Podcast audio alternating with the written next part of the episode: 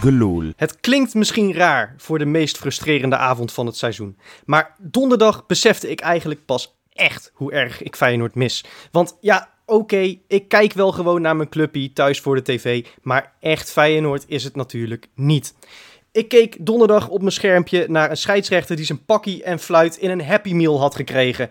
Bart Nieuwkoop moet zich weer even 9 hebben gevoeld. Alsof hij op zaterdag met de E1 van Tolense Boys tegen Smerdiek moest spelen. En dat de papa van de linksbuiten van de tegenstander dan toevallig die dag aan de beurt was om te fluiten. Met de minuut groeide mijn respect voor Clément Turpin. Dat was natuurlijk ook zo'n hofnar van de UEFA, maar die had tenminste wel het lef om, terwijl hij ons toernooi om zeep hielp, het legioen in de ogen te kijken. Die clown van donderdag, die speelde voor een leeg circus en dan krijg je bij een slechte grap niet eens een verbale rotte tomaat naar je knar gekegeld. Na het laatste fluitsignaal zette ik de tv uit en dat was dat. Er was wel gescholden, maar mijn stem was niet hees. Er volgde geen uitgebreide nabeschouwing op de trappen van QQ. Er kwam geen bloedchagrijnige, veel te lange rit naar huis. Nee, scherm op zwart, wijntje inschenken, terug aan de studie. Wat een raar, onbevredigend gevoel. Dit is net zoveel Feyenoord als dat het bier in de kuip bier is. Een slap aftreksel, precies zonder alles waarvoor je het eigenlijk drinkt. Maar het is het enige wat je hebt, dus je doet het er maar mee. Maar man, wat krijg ik er een dorst van. Dat is een gloedje nieuwe aftrap van een gloedje nieuwe Kaingeloel, die ik uiteraard niet in mijn eentje ga maken, want ik zit hier met Johan Hey. en met Wesley. Freekie. Ja, Wesley, ik weet niet of jij ook een beetje diezelfde beleving op afstand hebt als ik. Eh, dat het je allemaal net wat minder doet dan je zou willen. Maar ik keek toch vooral gisteren ook weer. Dan zie ik Bunnies zie ik voor een leeg stadion zijn eerste goal voor Feyenoord maken. En er is geen, geen uitvak waar hij naartoe kan rennen. Waar hij nog een kwartier na afloop het feestje mee staat te vieren. Dat ziet er toch niet uit? Nee, nee, dat ziet er inderdaad niet uit, eh Freek. En ja, eh, dat beeld was toch wel mooi, hè? Als je ook die kranten, kranten openslaat of, of gewoon die foto's op internet voorbij ziet komen. Met die enorm ver- verbeten kop die hij had, met die gebalde vuisten en die, en die enorme spierballen van hem. Hè? Willem van Hanegem zei trouwens dat hij niet in een krachthoek hoeft, eh Ja. hoeft, hoeft Die te luistert niet naar de podcast, eh Nee, maar eh, volgens mij eh, hebben we dat onlangs al besproken. Die gozer, dat is, dat is Terminator de tweede. Die, die ban is, dat is niet te geloven. Maar ja, laten we heel eerlijk zijn. Het is toch jammer dat hij dat, dat, hij dat niet in een, in een decor kan doen. Ja, waar, waar, dan 20.000 man even stil krijgt. Of tenminste 20, laat het er 10 zijn. Ja, dat is toch even lekkerder, denk ik. Ja, nee, precies. Ik, ik weet nog heel goed dat ik bij Herenveen Feyenoord was, waar Bijlo volgens mij in eh, een van zijn eerste wedstrijden voor Feyenoord, misschien wel zijn debuut, eh, een pingel pakte eh, in, in een van de laatste minuten. En, en, die heeft daar, denk ik, voor, voor mijn gevoel een half uur voor het uitvak gestaan om dat te vieren. En zo'n moment, dat gun je, dat gun je zo'n Bunnies toch ook. Ja, nu, nu moest hij het doen met, met Petrovic, hè? Petrovic speelde supporter. Die eh, wist Ja. niet hoe snel die Ah, moest rennen en naar Bannis Het, eh, het ergste was natuurlijk nog, Johan, dat Bas van Noordwijk, Noordwijk lag gewoon te pitten tijdens het doelpunt. Ik weet niet of je dat hebt gezien. Ja, die beelden ja, heb we ik ook gezien, ja. we zitten natuurlijk nu allemaal Fox te kijken, want we zitten niet in het stadion. Hè, precies wat Freek zegt. En ja, dan ga je maar op, op andere dingen ook letten. Nou, de camera zoomde op een gegeven moment in op de bank van Feyenoord. En er zaten er een paar heel erg driftig te doen. Hè? Advocaat, eh, De Wolf, Petrovic ernaast. En, en meneer Van Noordwijk die lag te pitten met zijn hoofd naar beneden. Nou, met, met de armen over elkaar. En eh, ja, ik heb daar een, een tweetje over gezien van Ever12 Patrick. Moest ik toch even delen met jullie. Die vond het toch wel erg gênant dat eh, Bas van Noordwijk dit liet zien. Terwijl wij als Feyenoord supporters zo graag in het uitvak willen zitten, weet je wel. Ja, Ja. dat vond ik toch wel... Had hij wel een punt natuurlijk. Ja, het is... Het is eh, die, heb- die hebben het gewoon gemist, weet je wel. Dus, dus helemaal jammer natuurlijk. Ja, maar ja, Ja, die- dat is- hij, hij zou waarschijnlijk gedacht hebben, mijn werk zit erop. Ik kan nu even rustig aan doen. Ik moet straks na de wedstrijd moet ik weer al die, al die tenuutjes gaan wassen en in, in, in, in, de, in de bus flikkeren. Ja, nou ja, goed. Het was een ongelukkig moment. Het zag er grappig uit. Maar de wedstrijd was natuurlijk ook niet per se heel erg eh, leuk om te kijken. Het Nou, was dat ben ik dus echt... Nou, dat, dat hoor daar- ik iedereen nou. zeggen, maar dat is toch onzin? Het, is, het was echt een superleuke wedstrijd. Ja, als je neutrale Ja. ki- to- toeschouwer bent. Maar dat zijn wij toch niet? Maar het was toch ook geen wedstrijd dat je als Feyenoorder lekker in slaap gaat zitten vallen, toch? Nee, dat, Eh, dat was het dat, niet. dat was mij in ieder geval niet gelukt. Nee, in slaap vallen is inderdaad wel een ander uiterste. Maar het, wa het was echt weer niet best, hè. Eh, het was, Nou, het was nou ja. och man, die tweede Nou, helft. Het, Johan, spijt me, maar dat vond ik dus echt wel meevallen. Ik vond het helemaal niet zo slecht. En ik heb, ik heb heel veel mensen zien klagen op, op de sociale media. Nou, in onze appgroep bleef het dit keer aardig stil. Volgens mij hadden er een paar afgesproken. Althans, jij kwam geloof ik om kwart voor, te- kwart voor twee s'nachts weer met eh Ja, het bal met uitroepteken. Ja.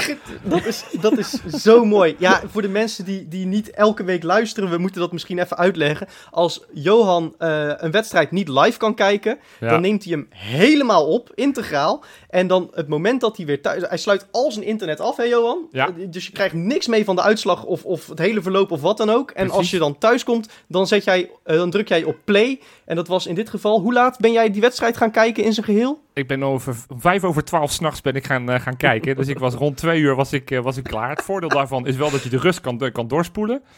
En ik dacht, dan ga ik daarna lekker rustig slapen. Maar ik had natuurlijk zoveel adrenaline van die late goal van Bunnies. Dat ik ook heel moeizaam in slaap viel. Dus ik viel pas rond een uur of drie in slaap. Ja, en zes uur ging het wekkertje weer. Dus dat was. eh Oh, dus jij bent echt als een vaatdoek idee. eh, nu, Johan. Ja, ik, eh, het feit dat ik nu nog maandagavond, we nemen weer op afstand op, dat ik nog wakker ben, eh, is heel wat. Maar goed, alles voor de podcast. Maar het was, ik, ik, ik ben blij dat ik die wedstrijd uiteindelijk helemaal heb uitgekeken. Want het was, eh, nou ik zeg, ik vond, ik vond het geen goede wedstrijd. Jij vond het dan wel misschien goed, maar eh, je speelt al bijna 60 minuten tegen, tegen 10 man. En eh, als je ziet hoe weinig kansen je creëert. Nou, maar dat, dat ben ik dus ook niet met je eens. In die tweede helft, daar komt, daar, binnen vijf minuten heb je al twee levensgrote Ja, kansen. dat, maar daarna niks meer. Nou ja, niet, niet niks. Het waren, wat, wat, het waren inderdaad kansjes. Het waren geen hele grote kansen. Maar dat, dat Emmen, dat is ook gewoon kloot hoor. Als je met 10 man in de eigen 16 staat. Ja, zie daar maar eens doorheen te voetballen. Zonder Berghuis, hè. Die ook nog eens is, is weggevallen met een blessure natuurlijk. Zonder Berghuis, zonder Teixeira. Eh, het, het, het was inderdaad, eh, ja, het was dan tegen 10 man, maar ze konden ook met die 10 man gewoon rustig voor de goal gaan liggen om een puntje proberen eruit te slepen. Precies waar Feyenoord tegen RKC en Sparta en Twente zo moeite eh, mee had om, om dan toch nog die goal af te dwingen. En dat lukte nu wel. En nee, natuurlijk mogen we hier niet tevreden mee zijn. Hè? En, en was het allemaal niet, niet goed? Was het zelfs bij Vlagen ronduit slecht? Uh, maar ik denk dat je dit resultaat toch best mag koesteren. Dat je, dat je hier gewoon je best eventjes aan vast mag, uh, mag klampen als Feyenoorder. En met vooral, dat is natuurlijk heel erg leuk. Wij zitten hier vorige week uh, tegen Dick Advocaat eigenlijk een oproep te doen. Van gebruik nou zo'n Bunnies een keer. Gebruik zo'n Azarkan een keer. En Bunnies beslist gewoon de wedstrijd. Ja. Heerlijk. Fantastisch. Ja. Hij toont gewoon ons gelijk aan. Ja, ja, was ook de enige bal die hij goed raakte, hè? Ja, ik, ja precies. Ja, mm, mm, mm, ja absoluut, Freek. Nee. Absoluut wel. Absoluut niet mee eens. Nou, leg jij eerst uit, Freek, en dan gaan daarna Wesley en ik waarschijnlijk nee, nee, nee, geven. Laten we dan eindigen op een positieve okay. uh, noot. Dan mogen jullie nu eerst gaan nou, zeggen waarom kijk, jullie ongelijk hebben. Nou, kijk, Freek, ik ben het met je eens. Het is superleuk dat die, dat die Bannes natuurlijk die, die wedstrijd beslist. Hè? Ik bedoel, we hebben hem vorig jaar hebben we hem doorzien komen. We, hebben hem, we hebben volgende man een tijdje vanuit de onder 19. Dus het zou gek zijn als we, als het hem niet gunnen. Onzin natuurlijk. Hè? We, gunnen het hem van harte en we hopen dat hij kan aanklampen. Alleen, ja, ondanks dat hij zijn body geweldig heeft doorontwikkeld, hè, dat, hij, dat hij Terminator de tweede is, uh, dat zag je niet terug in de wedstrijd. Ik vond, vond hem erg matig. Uh, ja, had het gewoon heel zwaar tegen die defensie van Pek Zwolle. En, en, die, en die kans die hij kreeg in het begin van die tweede helft, ja, die moet hangen. Ja, maar, maar dat, dat deel wat jij zegt over het fysieke... Emmen speelde met vijf verdedigers. Hè? Met, met, met Bel en die, en die Cavalan als, als links en rechts uh, ja, halfloper. Dus, dus hij stond als spits voortdurend tegen, tegen twee, drie man op de box. Nou, dat is al lastig. Wat ik, wat ik niet zo goed en van ja, hem vond... is... is ook een uh, international van Peru, toch? Nou ja, het, het, wat ik zeg, het, Emmen heeft gewoon een, een, best wel prima ploeg. Uh, het feit dat ze zo weinig punten hebben, heeft meer te maken dat ze gewoon wat ongeluk hebben. En dat ze, nou, dat ze volgens mij ook de VAR niet altijd even mee hebben gehad. Maar uh, het is gewoon echt, als je dat elftal bekijkt, is het gewoon heel, heel leuk. Uh, want die Peña is een prima speler, De Leeuw is een goede speler. Nou, ik vind... De Leeuw is een goede speler, uh, Johan. Nou ja, daar komen we straks misschien nog wel. Maar Glenn Bell is gewoon een prima bekkie. Dus ze hebben gewoon best wel wat leuke spelers. Dus dat, dat hij daar moeilijk mee heeft, vind ik niet zo erg. Alleen, elke keer voor het goal gleed hij uit. Deed hij verkeerde dingen, de ballen schoten van zijn voeten. Dus ik vond het voetballend vond ik het vaak wat matig. En zeker die ene kans waar jij net aan refereerde, Wes. Ja, die moet gewoon beter zijn. Maar ja, dan gaat, ook dan weer gaat hij half op zijn plaat. Het, het goede is natuurlijk wel dat hij een penalty veroorzaakt. Hè, met nee, een kijk, hele slimme actie. Ik wou net zeggen, ja. ik wou net zeggen laat, dit, dit laat ik me natuurlijk niet over mijn kant gaan. uh, met uh, my man uh, Nafil Bunnies. Je gaat hem claimen. Wat een enge ja, beter ook. Ik ga bij deze ga ik hem claimen. Nee, jongens. wat een verademing was Bunnies ten opzichte van Brian Linsen. Ja. Als spits. Want, oké, okay, Tuurlijk, helemaal met jullie eens. Uh, aantal slordige aannames, een uh, paar keer makkelijk van de bal gezet, had het vaak moeilijk. Uh, nou, had, had misschien wel twee of drie kansen extra in een goal mogen omzetten als spits van Feyenoord 1. Ja, allemaal waar. maar we hebben een, een Brian Linsen gekocht, of nou ja, gehaald. Die is 30 jaar oud.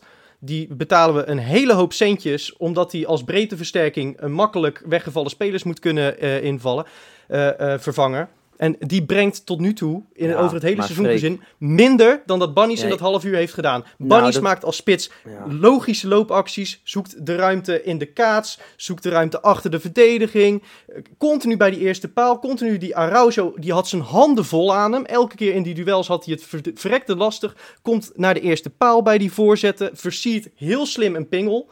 Want hij, hij gaat wel degelijk een beetje tegen hem aanhangen, maar hij weet als spits dat hij hem eh, meekrijgt. Hij staat op de goede plek, hij maakt de winnende goal. Dat is meer dan wat eh, zeven wedstrijden Brian Linsen ons hebben gebracht. Ik heb zitten turven in Europa bij Brian Linsen. Zeven, nou oké, zes 100% kansen in twee wedstrijden die er niet ingaan. Ja, maar Freek, het is ook zo. en dan mag je een ventje, me- ventje van 18, mag je best ietsjes meer eh, Nee, maar credits Freek, geven. Daar heb je helemaal gelijk Die- in. die- Daar heb je onder, helemaal... onder 21 speelt al, al een maand geen pot. Geen ene wedstrijd. Die man die krijgt van, van advocaat is die vijfde keuze intussen voor de spitspositie. Krijgt te horen dat hij niet goed genoeg is. Hij komt erin en hij beslist de wedstrijd voor je. Bunnies is een fucking held. Nou ja, oké, eh, schitterend, mooie... mooie je, moet er niet, je moet er niet tegenin gaan. Nee, maar dat hoeft helemaal niet. Alleen, ik zeg alleen maar over Brian Linsen. Ja, dat is geen spits. Dat is een linksbuiten. Ja, maar ook als linksbuiten. In een, in een twee-spits systeem. En, en hij, heeft, hij heeft alle pech van de wereld momenteel. Hè? Want die man die heeft, geloof ik, in de Eredivisie 26 kansen ge- eh, gehad. Hè, ik heb even statistieken erbij gepakt. En die heeft er één gemaakt. Ja, dat is gewoon veel te weinig. En dat weet hij zelf ook. En denk je nou, hij doet dat niet expres. En het is geen kwaliteit. Nee, dat doet hij niet expres. maar ik maar geloof niet dat het eh, hij, dat hij het brengt momenteel echt helemaal niks. Het was tegen Emmen was het weer dramatisch. Ook als linksbuiten. Hij, hij is geen één keer zijn man voorbij gekomen. Dat, dat, dat is het. Kijk, weet je, ik, ik, ik, nee, hij doet het niet expres en hij werkt zich de blubber en, en hij doet echt wel zijn best. Maar de kansen waar, waar Freek aan refereerde, en niet alleen in, in Europa, ook in de Eredivisie, heeft hij natuurlijk al zoveel kansen gehad. En het is allemaal net niet. En ja, dan zie ik echt beduidend liever een speler die ik nogmaals niet per se heel goed vond spelen, maar wel de wedstrijd beslist voor je. En, en ook zich eh, helemaal in de blubber werkt, maar wel eh, 12 jaar jonger is en een, een, een speler van Varkenoord is. Nou, mag, Dus- ik nog, mag ik nog één ding zeggen, Johan, over, eh, over een lievelingetje van Freek? Nou, Want ik vind, ik vind Freek, die, die zie ik ook op Twitter weer, weet je wel. Dan zie ik hem helemaal fitten weer over die markt, op die Mark Diemers. Ja, dat en in onze groepsapp. En dan denk ik, en dan denk ik, joh, dat is toch weer zo, ongelooflijk. Want ik vond Mark Diemers helemaal niet slecht. En eh, ga hier maar ook naar de statistieken kijken. Eh, een van de weinige Feyenoorders die eh, geweldig, ve- een van de, de meeste passes op de helft van de tegenstander heeft, bijvoorbeeld.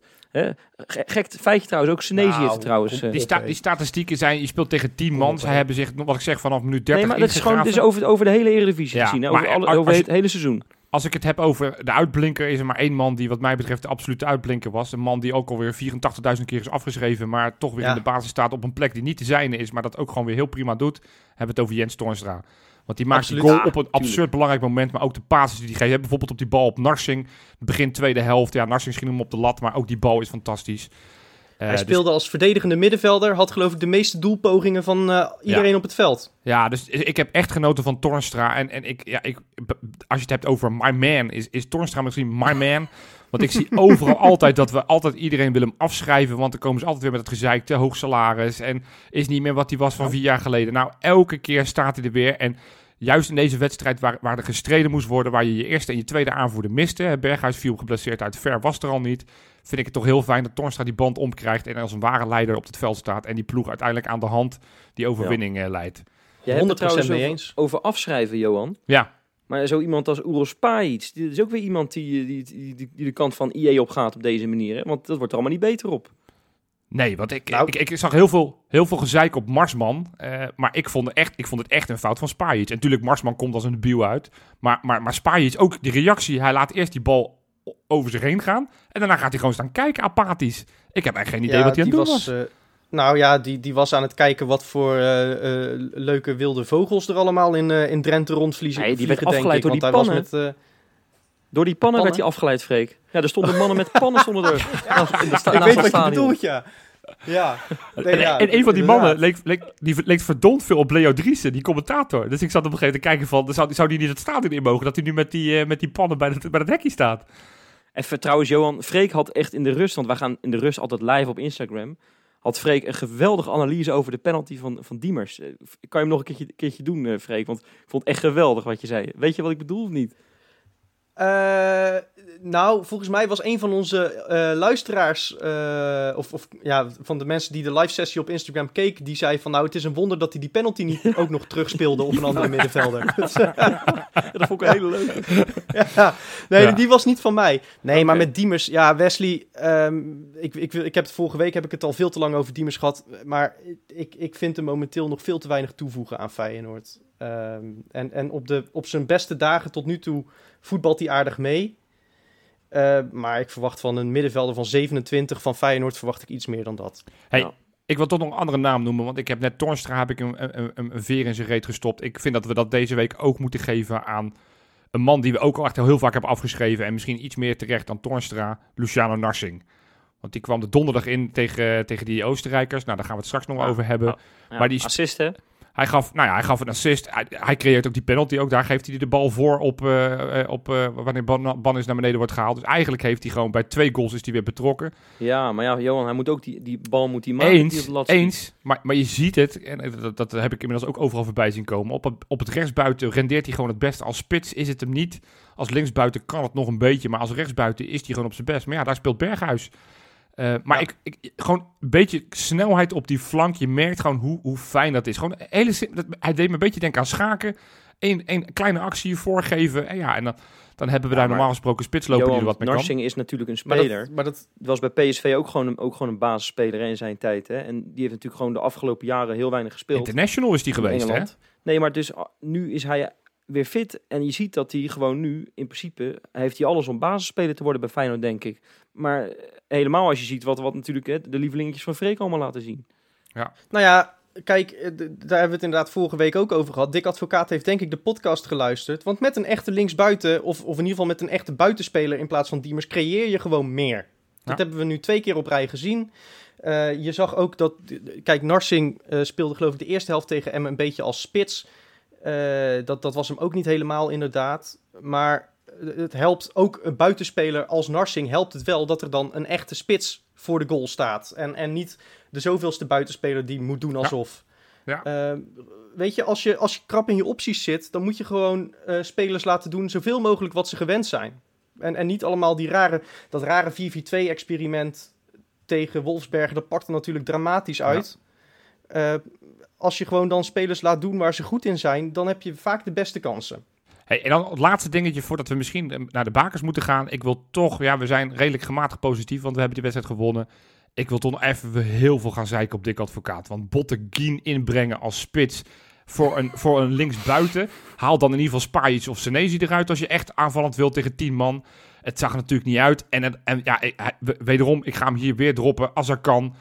Ik weet niet wat die gozer gedaan heeft met Dick Advocaat, maar die had gisteren toch gewoon makkelijk mee kunnen doen. Dat had altijd een leuker, een beter alternatief zijn geweest dan, dan, dan Botteguin in de Dan spits. Wat een armoede zeg. Maar eh, wat, wat eh Bunnies nu heeft gedaan, is de deur geopend voor Azarkan. Want als Bunnies aantoont eh, dat hij een betere optie is dan, dan kloten met allerlei halve spitsen, dan krijgt Azarkan misschien nu ook eens een keer een kans als al die halve linksbuitens die het allemaal niet zijn. De bakens. In de vette. Ja, jongens, wederom een heerlijk weekje. Ik had weer genoeg om te kiezen, dus ik heb er weer een paar moeten, moeten weglaten uit mijn lijst. Maar we gaan op nummer drie naar Kenneth Vermeer. We horen eigenlijk vrij weinig van, eh, van de keeper. En dat heeft ook een reden, want hij kwam daar als, eh, als eh, nou ja, beoogde basisspeler van een elftal wat vorig jaar heel erg goed draaide. Maar hij, hij, hij, hij blunderde en maakte, maakte een paar fouten, dus hij werd al heel snel vervangen. Hij werd tweede keeper. Tot afgelopen weekend. Hij mocht ineens door eh, afwezigheid van de eerste doelman, voor onduistere redenen, dus dat zal ook wel eh, corona zijn, mocht hij ineens weer... eh, Duistere redenen? Ja, du- duistere. Zei je dat nou? Ja, wat, wat zei ik? Duistere redenen? Duistere redenen. Ja, het is natuurlijk Halloween. Je weet niet wat hij Ja, geflikt precies. heeft. maar- Ja, ja, precies. Je weet het niet, hè? Maar goed, hij mocht ineens weer, weer opdraven. Ze speelden tegen Dynamo Houston. En eh, ze stonden 2-0 voor. En toen, eh, ja, toen kreeg eh, Los Angeles FC kreeg een penalty tegen. Nou ja, je voelt hem al aankomen. Kenneth Vermeer ranselde die uit het doel. Uiteindelijk kreeg hij later nog wel een goal tegen waar hij niet heel veel aan kon doen. Maar ze hebben gewoon met 2-1 gewonnen. Dus hij heeft weer even van zich laten horen. Hartstikke goed. Nou, goede keeper hoor.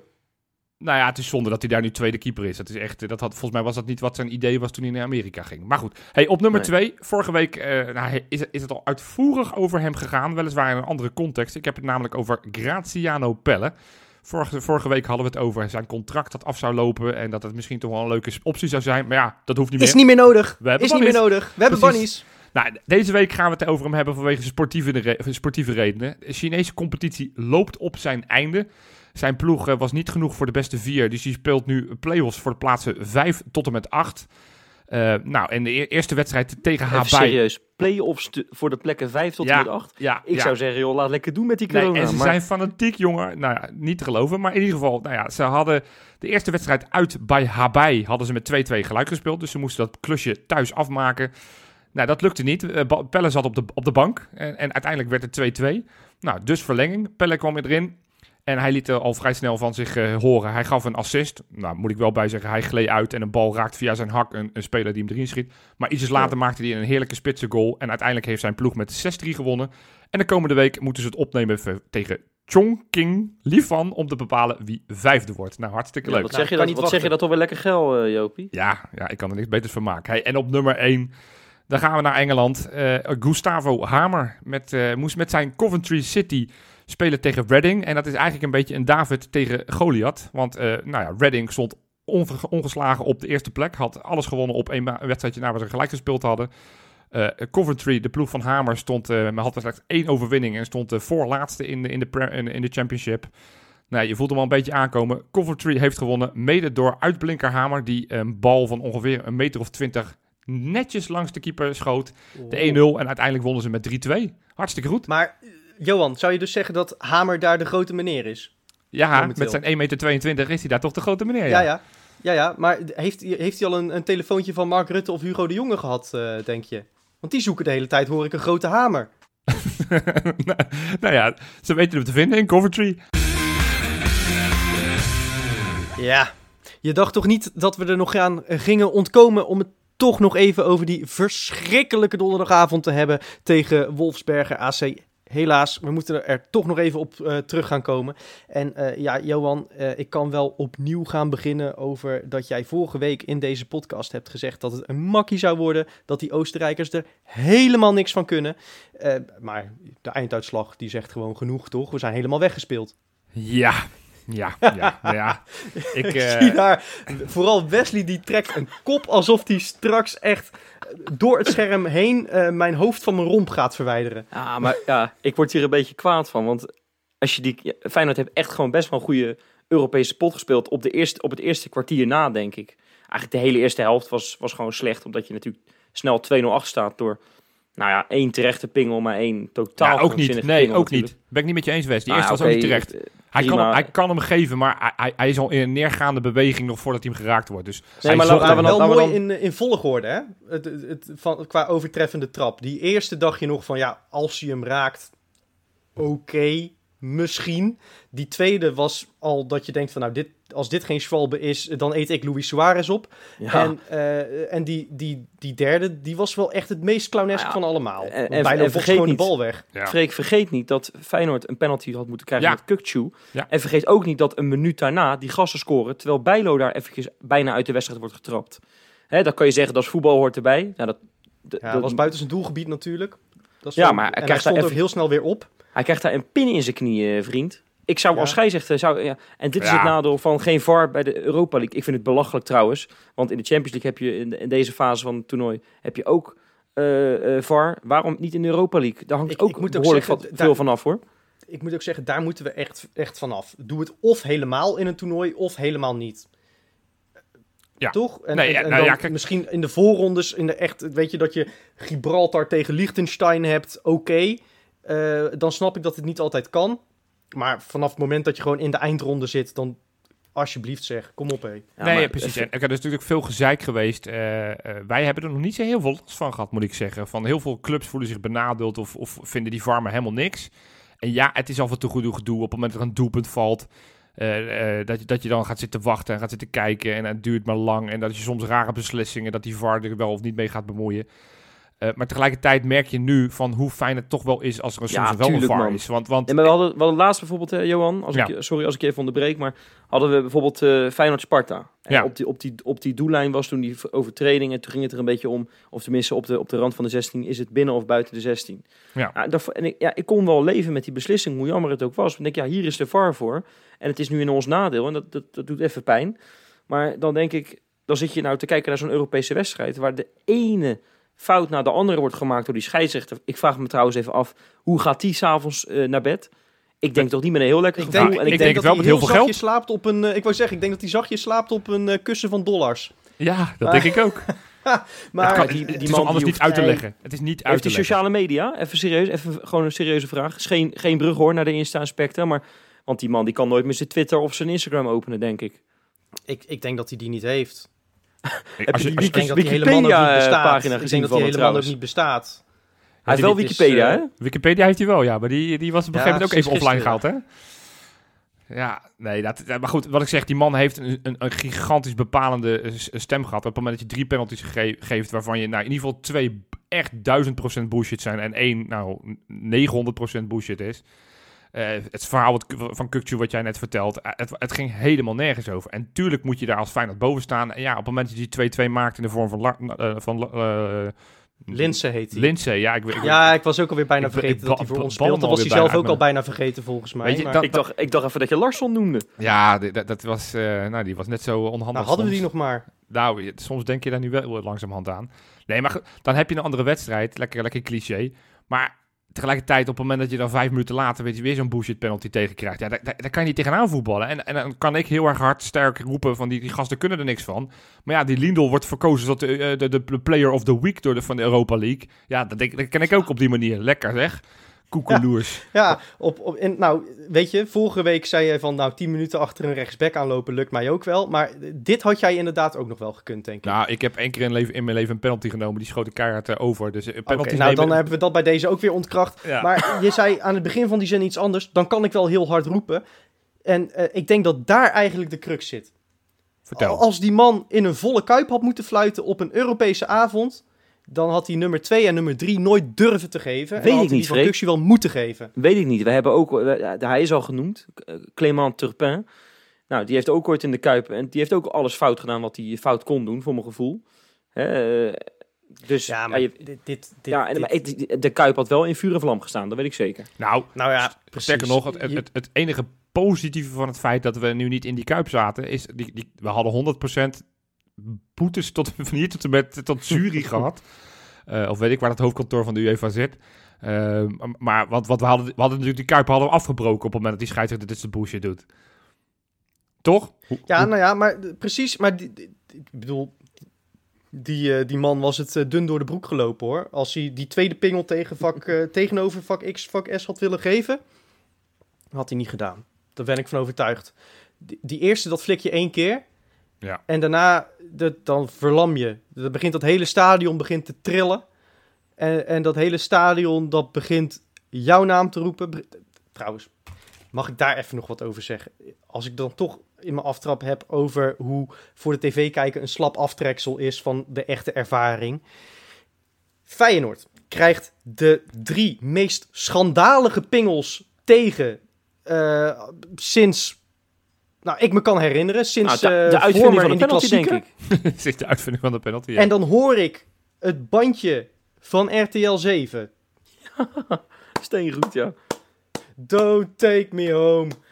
Sorry hoor, maar beste RTL 7, beste Fox Sports, trek daar even een bandje uit de kast met UEFA Mafia en eh, desnoods piep je het allemaal weg. Ja. Maar dit is niet hoe de Kuip klinkt als een scheidsrechter zoiets flikt. Nou, maar Freek, het was wel Zeg maar, steengoed. als, als, als, dat, als die geluidsbanden er zijn om iets van, van sfeer en realisme toe te voegen aan... eh, de- dan hebben jullie nu gedaan alsof het de open dag was. Hey, er, en maar dat er werden ook van. Vels een vrije trap over het doel schoot. Nee, maar, nee, maar Freek, er werden ook liedjes over, over Bruno Martens Indy ingezet. Ik denk, ja, voor mij is dat 2012 geweest, maar maakt niet heel erg uit. En na het laatste fluitsignaal hoorde je toch een heel klein cynisch, cynisch eh, fluitconcertje. Heb je het gehoord? Ja, maar ik denk... Ik dat jullie denk daar zoveel, dit, dat, dat- zoveel, zoveel... Ik heb echt totaal... Naar, daar luister ik niet naar. En, en- en- ja, die commentator, ik probeerde het bij RTL 7, de naam Leo Dries is al gevallen. Ik ben niet zo fan van Leo Driessen. Nou, Toen begin ik op RTL 7, ik dacht, nou, daar ben, heb ik Ja. geen Leo Dries op Fox. Nou, ik was binnen vijf minuten was ik weer over nou naar... dat snap ik. naar Want Fox. Die van Rag- RTL Rag- 7? Die Ragnar Niemeyer, die is, nou, die, dat is een NOS-vragensteller is dat. Maar die kan, niet, die kan geen commentaar geven. Wat, Nou, ik, ik vind hem normaal gesproken op Radio 1 altijd best wel oké. maar dit sloeg ik- natuurlijk alles. Die bleef maar volhouden dat het drie hartstikke terechte pingels waren. Ja, nou, ik zat met kromme tenen. Ze schoten mij uit de kom, joh, Freek. Niet te geloven. Ik vond het echt vreselijk. Maar goed, we hadden het over het publiek wel of Ja. niet te zijn. Het effect wat dat heeft op in dit geval een scheidsrechter, maar ook op de wedstrijd. Jij bent er dus van Ja. overtuigd, Freek, dat op het moment dat wij in die kuip hadden gezeten met z'n allen, dat die scheidsrechter nooit die tweede en die derde penalty hadden gegeven. 100 procent. Wat denk jij, Wes? Ik, ik heb argumenten om het te staven, maar laat Wesley eerst maar eens reageren. Nou ja, kijk, dat weet ik echt niet. Want je hebt het gezien met, met eh, Turpin. En, en, en wat Freek zegt, dat, dat zou heel goed kunnen hoor. Maar ik weet in ieder geval, ja, en dat is gewoon het hele ding. Dat, dat is waar we over begonnen, over die VAR. Ja, die hadden 100% teruggedraaid. Die, die, Ja, die twee, dat. die twee strafschoppen. dat 100%. En ook, de, het moment van Kukshu. Nou ja, dat is een discutabele, discutabele, denk ik. Maar ik denk dat hij 100%, of tenminste niet 100%, maar ik denk dat, het, dat hij op de stip was gegaan. Ja. Dus, ja, in de geest ik van de wedstrijd had hij op de stip gemoeten. Nou ja, Ja, dat, ik, nee, absoluut. Ik, zei nog, ik zei nog in de rust, eh, want ik zat met uh, Marijn, hè, die kennen we allemaal nog wel, daar Ja. zat ik mee te kijken. En, eh, en het ging over van, eh, nou, ik zeg, joh, weet je wat Feyenoord gewoon moet doen? Die bal in de 16 eh, mikken en gewoon daar met, met de eerste de beste speler gaan liggen. Nou, het gebeurt. En hij, gaat, hij maakt een groot kruis met zijn handen. Die schei zegt, nou, toen kon ik mijn tv wel van de muur aftrekken. ik werd helemaal gek. Ja. Ah, Maar dus, Media maar maakt het doet goede zaken met, eh, met jou als thuissupporter. is- Nou, met die scheidsrechter, die Ja. nul. Hey, maar ik ben Nee, wel maar- nieuwsgierig, Freek, want jij, jij, jij hebt argumenten daarvoor. Ja. Dus kom maar door. Kijk, we hebben, we hebben toen een beetje duidelijk werd aan het begin van die coronacrisis dat we nog wel even zonder publiek zouden spelen. En intussen is het natuurlijk alweer de tweede keer dat we eh, die conclusie moeten trekken. Eh, toen heb ik gezegd van volgens mij valt het allemaal wel mee. En het zou goed zijn voor het vertrouwen van Feyenoord als, als het blijkt, eh, en dat is misschien voor ons als supporters vervelend, dat Feyenoord het ook wel zonder ons af kan. Dat dan de, echt de beste ploeg gaat winnen. Ja. En dat dat 9 van de 10 keer Feyenoord is. Ehm, nou, daar moet ik toch een beetje op terugkomen, denk ik. Eh, we hebben natuurlijk wel degelijk wedstrijden gehad waarin de Kuip echt van doorslag eh, is geweest. Ehm, en, en, en vooral in Europa. En dan denk En jij ja. aan bijvoorbeeld... Turpin. Turpin, tuurlijk. We, we hebben, elk jaar hebben we wel zo'n maloot in Europees verband.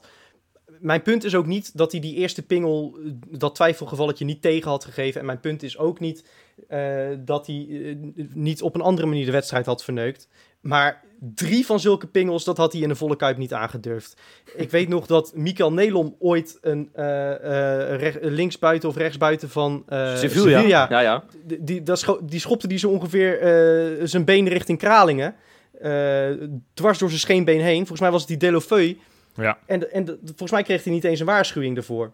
Eh, omdat die kuip, die, die verdooft gewoon. Die, die, dat is zo'n prikkelbombardement voor een scheidsrechter. Dat als er geen VAR is, is er niemand anders. Dat, dat, dat, dat verneukt je hele concentratie. Er is alleen nog maar die kuip. Manchester United, die assist van Jurgensen is, als je terugkijkt, best wel buitenspel. Ja. Niemand die erop gelet, gelet heeft. Niemand die erop gelet heeft. En het meest legendarische voorbeeld recent is natuurlijk die Pyro tegen Napoli. Op het moment dat die supporters besluiten... Fuck it, het, is, het duurt nog 10 minuten deze wedstrijd. Wij gaan hem verdomme wel winnen. Onze enige Champions League wedstrijd van het seizoen die we gaan winnen. Op dat moment krijgt dat hele team vleugels. Schijt dat Napoli driedubbel in de broek. En kopt notabene Jeremiah Sint-Juste die bal uit de corner binnen. Ja, met, Dat, met, dat is de magie van die? Europa Cup eh, avonden. Ja, Ja, terwijl ja. Feyenoord rood heeft. Vorig jaar tegen Porto, vorig jaar tegen Rangers. Op het moment dat het publiek erachter gaat staan, dan gebeurt er gewoon wat extra's. Of dat nou voor invloed is op de scheidsrechter of op eh, de tegenstander. De Kuip is wat dat betreft magisch. Ja, je En vergeet, je ja, vergeet er nog één, Freek. Vorig jaar Porto thuis. Nou ja, Nee, die zei die, heb ik die die, zei net in mijn... Oh. eh, Nee, die ja. zei die, Heb maar, ik die maar dat is precies... Ja, maar dat is precies wat je... Wat je Porto net had na- inderdaad in die wedstrijd had, had, had 36 keer Ja. kunnen scoren. Maar Ja. ze doen het niet. En waarom niet? Omdat ze in de broek schijten voor een stadion Ah, dat ze zelfs bij Benfica niet- nog nooit hebben gezien. Ik denk niet dat... Dat is een beetje overdreven, want ik geloof dat ze 36 kansen kregen, waarvan drie keer op de lat. Dat is een beetje pech ook voor die gasten. Maar het is precies wat je nou net, waar je net na je aftrap mee begon. Je vroeg aan mij van hoe, hoe is die beleving? Nou ja, als dit dus wegvalt, die volle kuip, en je zit eh, voor een telefoontje of voor een, voor een, eh, voor een tv zit je te kijken. Het is gewoon eigenlijk geen flikker aan. En helemaal als het dan ook nog eens voetballend voor geen meter gaat.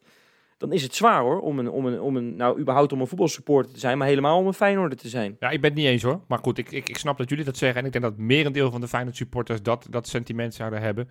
Maar ik ben, eh, mijn, mijn passie en mijn, mijn enthousiasme is minstens zo groot. Ik vertelde jullie net dat ik op twee uur s'nachts voetbal heb zitten kijken en een uur lang Ja. niet kon slapen omdat ik zo blij was Ik- van die ik, winnende ik goal. twijfel niet aan je passie, maar mis jij niet dat ene vleugje extra emotionele tuurlijk. binding aan die resultaten? Tuurlijk. Ik, ik zit nu, ik ben echt hartstikke trots op Bunnies. Maar ik ben denk ik net een half procentje minder trots als dat ik was geweest als ik erbij was geweest daar in Emmen. En dat ik op de terugweg, die dan makkelijk vier uur duurt met de auto, de hele terugweg met mijn moeder zit te discussiëren over hoe geweldig die jongen wel niet is. En dat hij al zo lang aan zijn fysiek werkt. En nee, maar dat verdwijnt. Dat, is het zo. dat hele dagje uit. Nee, het, en, en dat, dat is, maar goed, voor ons is het onwijs kut, maar voor, voor die spelers net zo. En je zal maar net een speler zijn die straks het debuut gaat maken in, in de Kuip.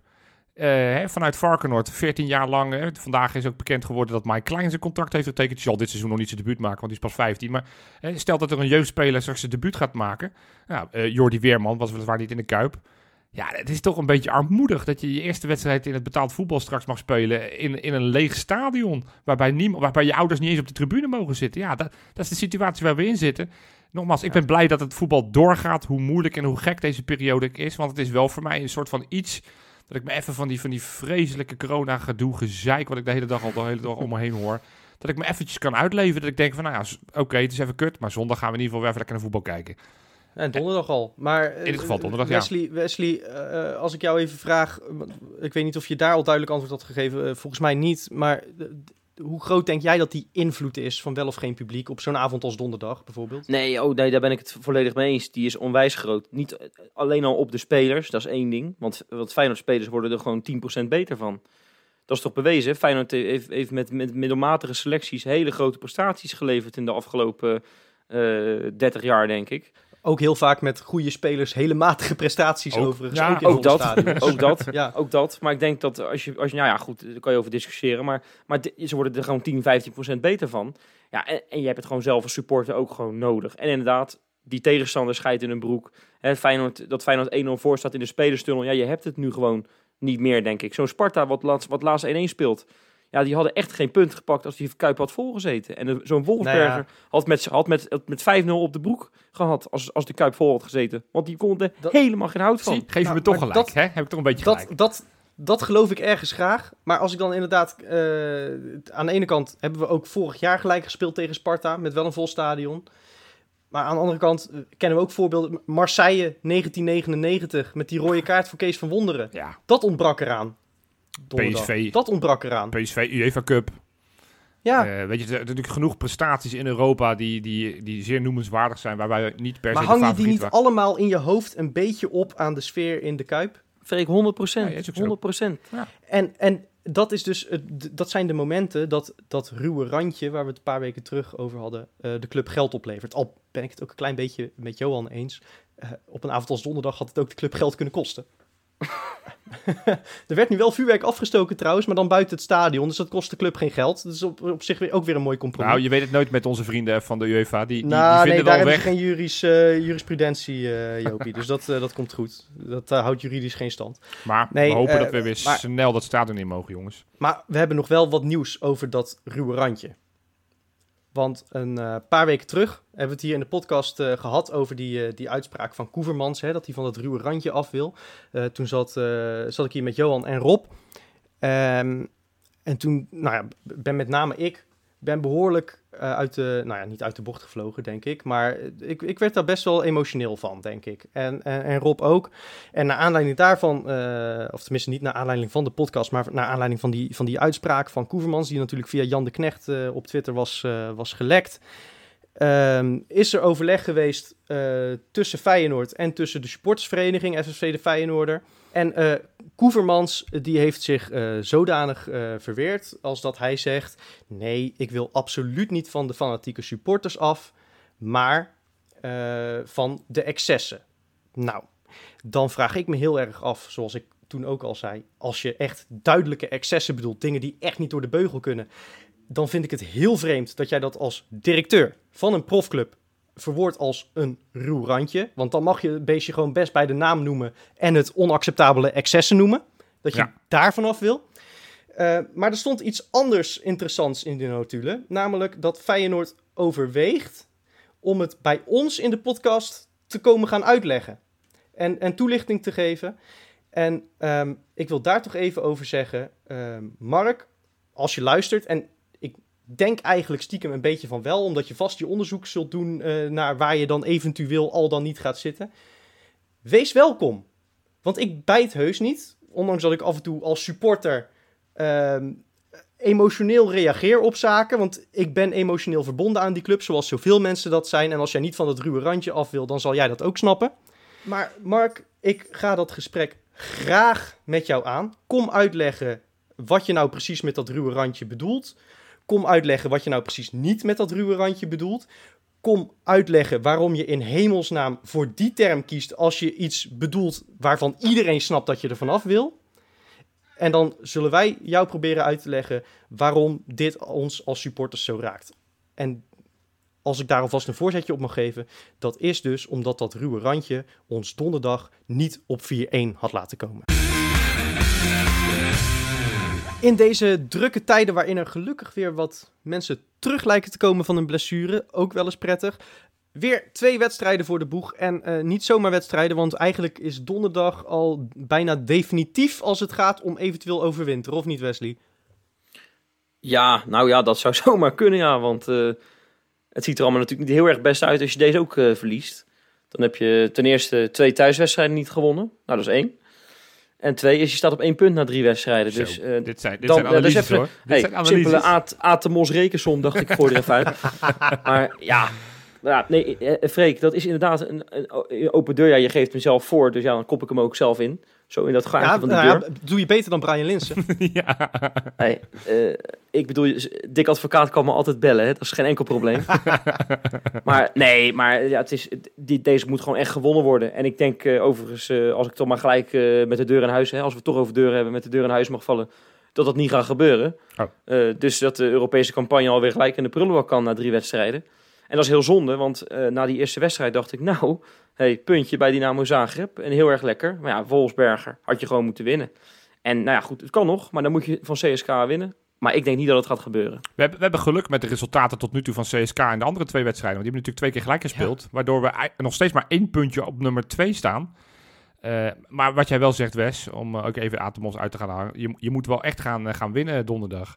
Want als je daar weer met een punt of, of verliest. dat- ja, dat, ik zei het vorige week, als je niet wint van de Wolfsbergen, dan is het klaar. Nou, eh, ik stel hem dan nu een weekje uit. Dit is echt do or die. We moeten die wedstrijd winnen. En ik denk ook echt wel dat we hem kunnen winnen. Want CSK, prima ploeg. Nogmaals, is eh, denk ik wel de favoriet in onze pool.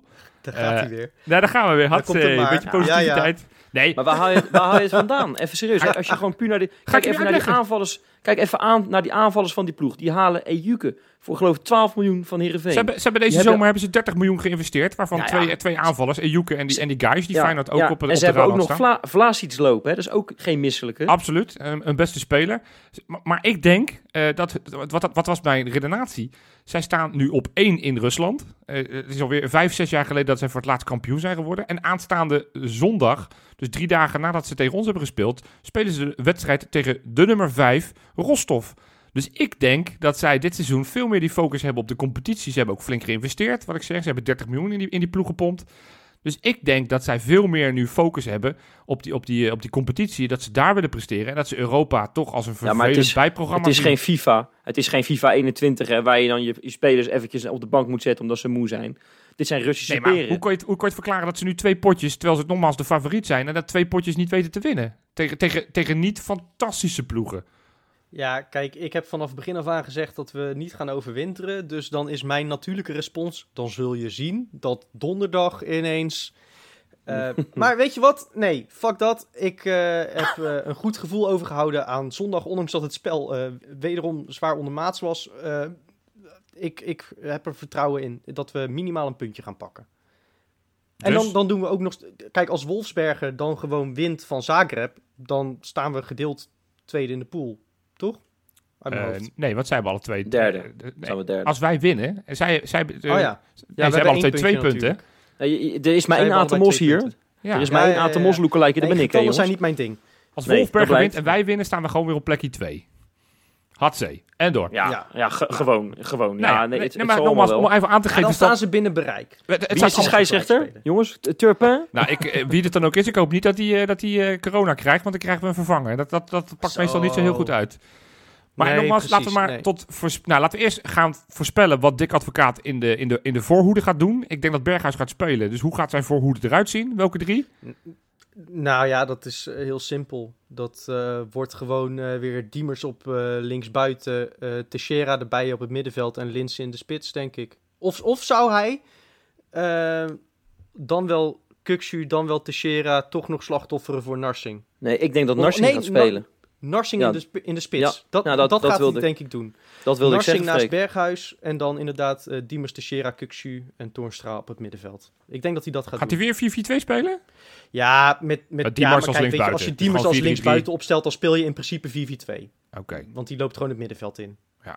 Want, want, want Nou, Bannis, Bannis gaat, hij niet opstellen, hè? Hoe, hoe graag wij het Nee, misschien maar hij heeft, hij heeft eh, zondag al na de wedstrijd gezegd dat eh Bannies fysiek nog niet eh, klaar is om vanaf het begin tegen CSKA te is toch niet te starten- geloven, hè? Zie, starten. zie je eruit Dus, als, zie je eruit als de. Terminator? En Ja. dan ben je nog niet goed genoeg om, eh, nog niet, eh, fysiek nou ja, nog niet goed genoeg. heeft- weet je, hij is gewoon nog heel erg jong. En ik snap best dat hij niet, eh, als, inv- of, niet als basisspeler tegen CSKA start. Daar kan ik ergens best wel in Nee, ik ook, ik ook, ik ook. Eh, maar ik hoop wel dat hij wat minuutjes krijgt. Ik hoop ook dat eh, eh, als er kan misschien toch eens bij de wedstrijdselectie zit. Omdat hij gewoon wel een kwaliteit heeft die de rest van de beschikbare spelers niet heeft. Namelijk Nou die ja, waanzinnige dribbel in de kleine ruimte. nou ja, en anders kunnen we altijd Botteguin links buiten zetten. Is ook leuk misschien als alternatief. Misschien heeft Nou, die, dat ik nog niet vond dat op zich niet zo'n niet zo'n rare set als Ah ja, hoor. Alleen had hij, had hij haps moeten inbrengen. Nou, als, je dan, als je dan een verdediger brengt die in de aanval wat kan doen, dan had je Geertruida daar moeten zetten. Maar Ja, nou Die- ja, die had de maar slechtste Geertruida inval geeft op voor zich een redelijk aardige assist tegen, Ja. tegen Emmen natuurlijk. nou, Het enige dat hij goed deed, maakt niet uit. Man.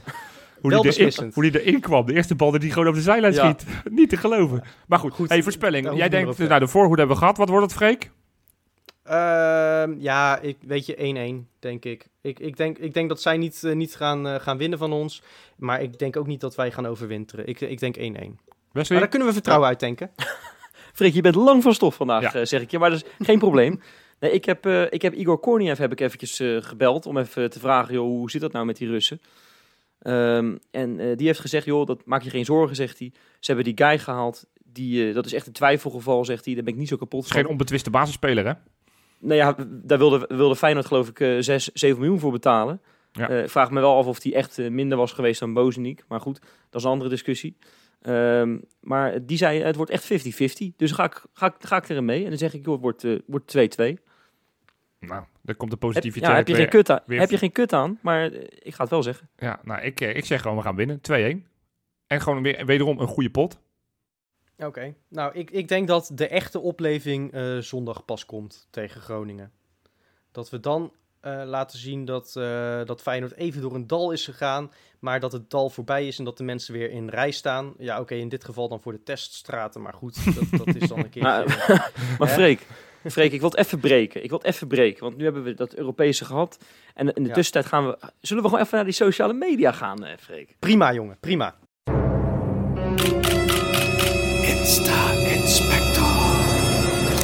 Ja, ik, ik, ik, wat schetst mijn verbazing, jongens. Ik zit donderdagavond. Ik zit helemaal lekker klaar voor die wedstrijd tegen Wolfsberger. En eh, die wedstrijd is trouwens al bezig. Hè. De- de- kwartiertje gespeeld. Nou, we stonden 2-0 achter al ondertussen. En wat doet Leroy Ver? Die was er natuurlijk niet bij. Die post een foto vanuit de McDonald's. Ja, nou ik wist niet wat ik meemaakte. Maar eh, zijn kind, een van zijn zijn kind was jarig. hè. Ace is dat. En, eh, en die- ik, ik, weet- ja, ik weet overigens niet, er staat niet bij hoe oud hij was geworden. Maar hij was jarig en die, heeft een, die had een kinderfeestje gehouden. Oh. Ja, dat mocht, dat mocht blijkbaar nog. Op, om, om, Dus- om 8 uur s'avonds. Ja. Oké, nou ja. Nou, Ja. gefeliciteerd, eh Liro. Wolfsberger speelden we om zes uur tegen, hè? 7 uur. Zeven uur dan inderdaad. Zeven uur. Zeven uur. Maar Oké, goed, oké. Oké, nee, hartst- ja, nou ja, prima, ja, weet je, ja, oké. Ik zag ook, ik zag ook dat Diemers de wedstrijd voor, eh, voor, voor de, voor, eh, voor, eh, voor Emme dat hij ook bij de McDonald's... Althans, niet- mevrouw Diemers was bij de McDonald's Ja, geweest. ik wou net zeggen. Er werd alweer geclaimd van jongens, zet het, gooi dit even in de Insta, want, eh, want meneer Diemers zit aan de McDonald's. En ik, ja, dat is niet waar. Je had even die tag moeten kijken. Het was nichtje Diemers met mevrouw Diemers. Oh, ik maakte me al zorgen. Ik denk, dat is toch geen, geen wedstrijdmaaltijd dat je de avond ervoor bij de McDonald's gaat zitten Ja, eten. Maar Ja, Oké. precies. Ja, nee, zij dachten, natuurlijk dat we, zij dachten natuurlijk dat we moesten spelen tegen die grote gele emmen. goeie. Leuk, leuk, Ja. Freek, leuk. Hey, eh, zullen we eventjes... Ja, dus eigenlijk hoort deze niet meer in thuis. Maar ja, we hebben hem ooit gestart. Martine van Duivenbode, natuurlijk zwanger Ja. van eh, Jan-Arie van der Heijden. En we hebben hem ooit zelf in de podcast... Eigenlijk, eigenlijk hadden wij de primeur. Het- die hele familie wist nog van niks. En toen kwamen wij al als, als Insta-inspector natuurlijk. Jij, jij had ook als enige die zwangerschapstest gewoon in je handen toen je dat bekend maakte. Ja, is en dat, dat exclusief. En dat stonk naar pis, jongen. Nou, dat was echt niet te geloven. ja. Nee, maar die had je echt net voor de neus van Guido eh, den Aantrekker eh, eh, weggevist natuurlijk. Ja. Ja, nee, absoluut. Maar, nee, maar het gaat ontzettend goed met eh, Martine, want ze is ondertussen 32 weken zwanger. Ja, en ze ziet er nog bloedje vet uit, joh. Dat is niet te geloven. Ja. En eh, dat gaat dus echt eh, helemaal top. Ja, met, is Willem, toch even leuk. met, met, met, met, de- met de werkgever van haar, eh, van haar man wat minder. Want, want Willem II is niet meer een, eh, lijkt niet meer op de ploeg van vorig jaar, hè? Ja, dat boeit, dat boeit me eerlijk gezegd geen ene... Eh, eh, oh, is goed. Oké, en door. Wesley, Ja. over Jan-Arie van der Heijden. Is jou niet iets anders aan hem opgevallen? Nou, niet zozeer. Hij heeft nieuwe tandjes. Dat meen je niet. Ja, Heeft ik zag laatst een interview met hem over zijn eh, contract bij Willem II en zijn terugkeer en zijn tijd bij Feyenoord. Maar die jongen die heeft eh, een halve, halve olifant aan Ivoor aan, eh, in, zijn, is- eh, in zijn, eh, in zijn eh, bek zitten momenteel. Een Kuyt beetje wat gegaan? Dirk Kuyt ook ooit, ook ooit heeft Nou gedaan. ja, maar, maar echt, het, het is echt flink. Het is, het, het, ik moest echt even drie keer kijken of het hem wel was. Maar het is alsof zijn, alsof zijn mond ook vier keer zo groot is geworden. Want die, die tanden die zijn ook allemaal een vierkante meter. Ja, Mr. Colgate wordt hij nu genoemd hè, bij, eh, in Tilburg. Zal, zal Narsing ook e- echte tanden hebben? Want die zijn ook zo fantastisch in een Nee, rijtje. natu- nee, natuurlijk niet, eh, Johan. Die is ook naar zo'n tandenboer gegaan. Dat weet je toch ook wel? God, ik moet toch het adres hebben van die tandenboer. Dat kan ik ook nog Ja, misschien moet jij ook maar eens eh, gaan, hè? even. Ja, ja. Nou, mensen zien mijn gebit gelukkig niet. Goed, en door. Nee, wat mooi. Nou, eh, dan gaan we eventjes naar de vriendin van meneer Bijlo. Want Bijlo was er natuurlijk zelf niet bij. Hè? Een behoorlijke eh, pijn aan zijn knie had hij. Was net een wedstrijd, eh, net een dag te vroeg, die wedstrijd. Ehm, maar mevrouw Strijders, nou, koek, koek, koek, moet ik even zeggen erbij. Die heeft even een ja, Halloween feestje met z'n tweeën hebben ze waarschijnlijk gehouden. Want feestjes zijn er natuurlijk niet meer bij in deze tijd. Maar die was verkleed als, als engeltje.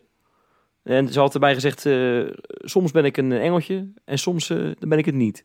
Nou, ja Johan, dan, eh, dan, dan, ja, dan worden wij natuurlijk alweer helemaal wild, hè? dat begrijp je. Ik vind het geen mooie vrouw. Nee, sorry.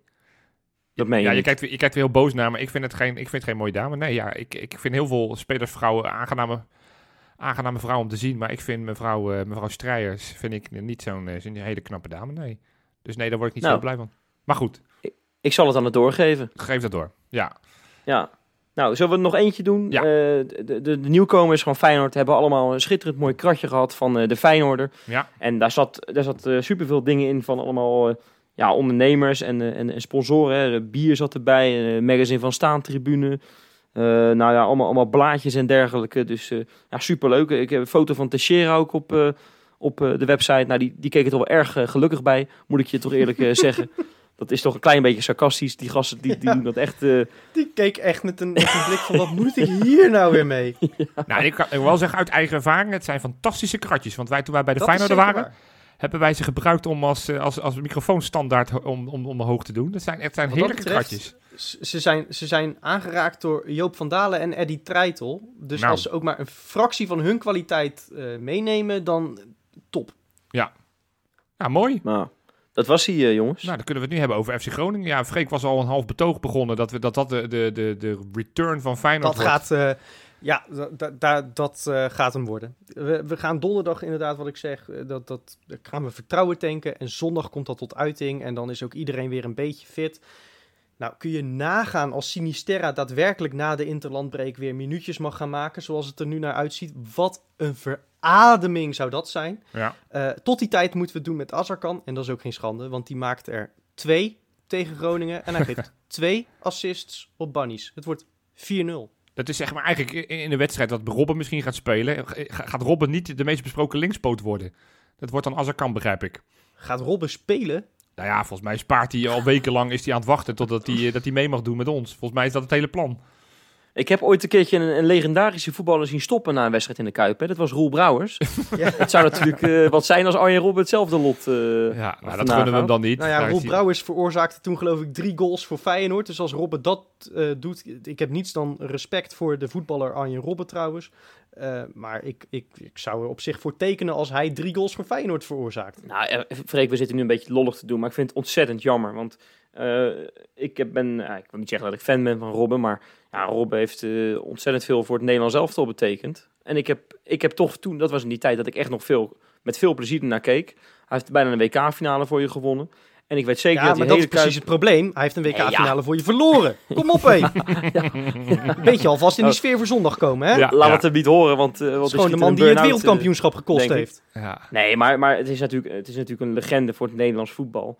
En eh, ik denk dat de hele Kuip eh, een schitterend mooi applaus voor hem had, over had als hij het veld had eh, ja, betreden. Dus ik vind het toch wel zonde dat dat dan niet, dat dat Nee. niet gebeurt Nee, met de volle Nee, Kuip. absoluut. Ik, ik had op zich ook best nog wel Arjen Robben in Groningen shirt in de Kuip willen zien voetballen. En, Ja, eh, en, maar dan wel met een ruime overwinning voor Feyenoord. Want dat blijft het uiteraard. belangrijkste. Uiteraard. Zeker. Moment Ik ga dat overigens met je mee, het ook eh, is, wie het ook is bij de tegenpartij voetbal, dan is hij gewoon de vijand. Punt.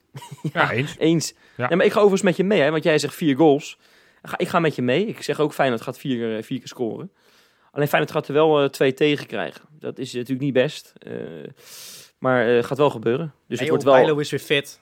Dat gebeurt niet. Of, Ja, of het ja, moet weer goed. die scheidsrechter van donderdag zijn, maar daar geloof ik niet zo in. Nee. Wordt volgens mij wordt het makkelijk toch? Die geeft, die Nou, geeft je kan zeggen, Bijlo is fit, tegen. maar die heeft, heeft één keer de nul gehouden dit seizoen, hè? In de, Ja, in de, dat- toch- dat ja, één keer ook erg aan hem, in Europa, dus zijn. twee keer dan.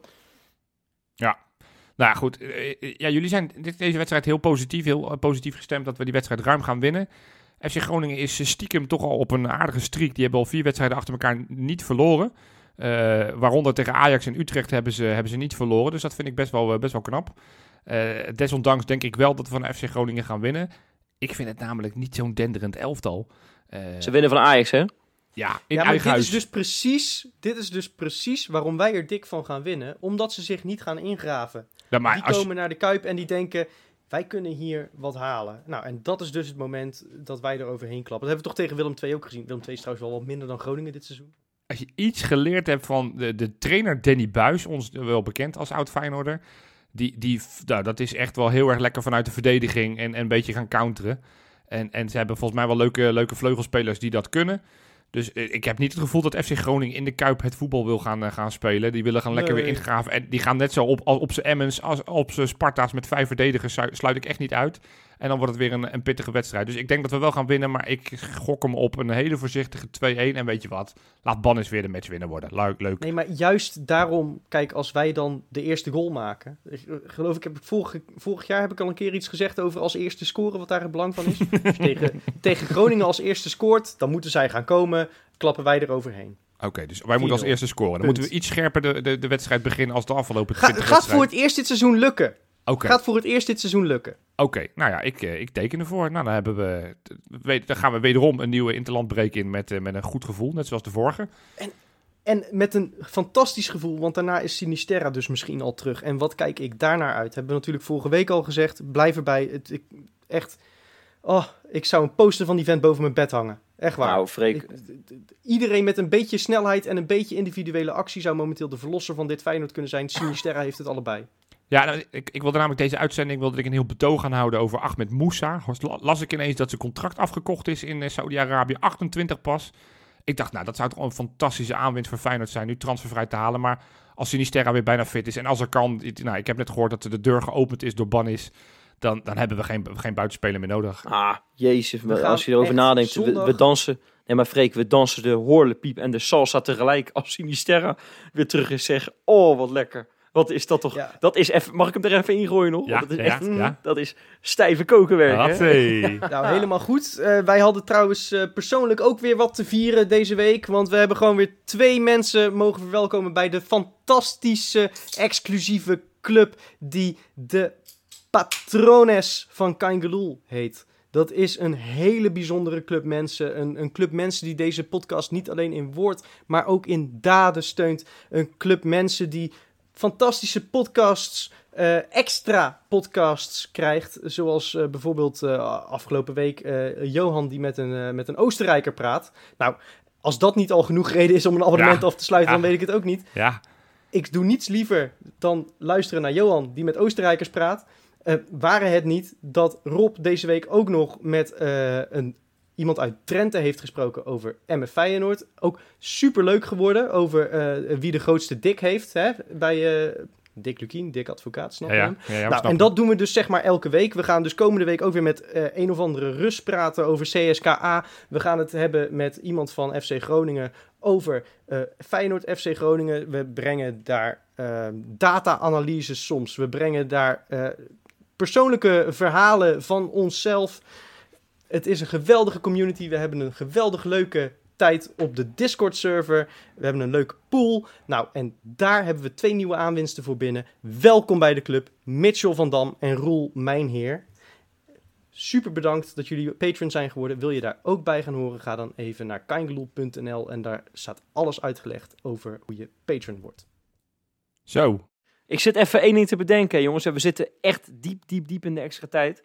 Maar het is eigenlijk wel schande dat we het niet over het doelpunt van Michael de Leeuw hebben gehad. Was heel mooi. echt schande. Nee. Was heel mooi. dat, was Ja. echt, dat was echt een Fout. schitterende goal. Maar dat doen ze maar in de, FC, dat Marsman. doen ze in de FCM-podcast maar, eh, Wes. Fout van Is Marsman. goed. Tot volgende week, mensen.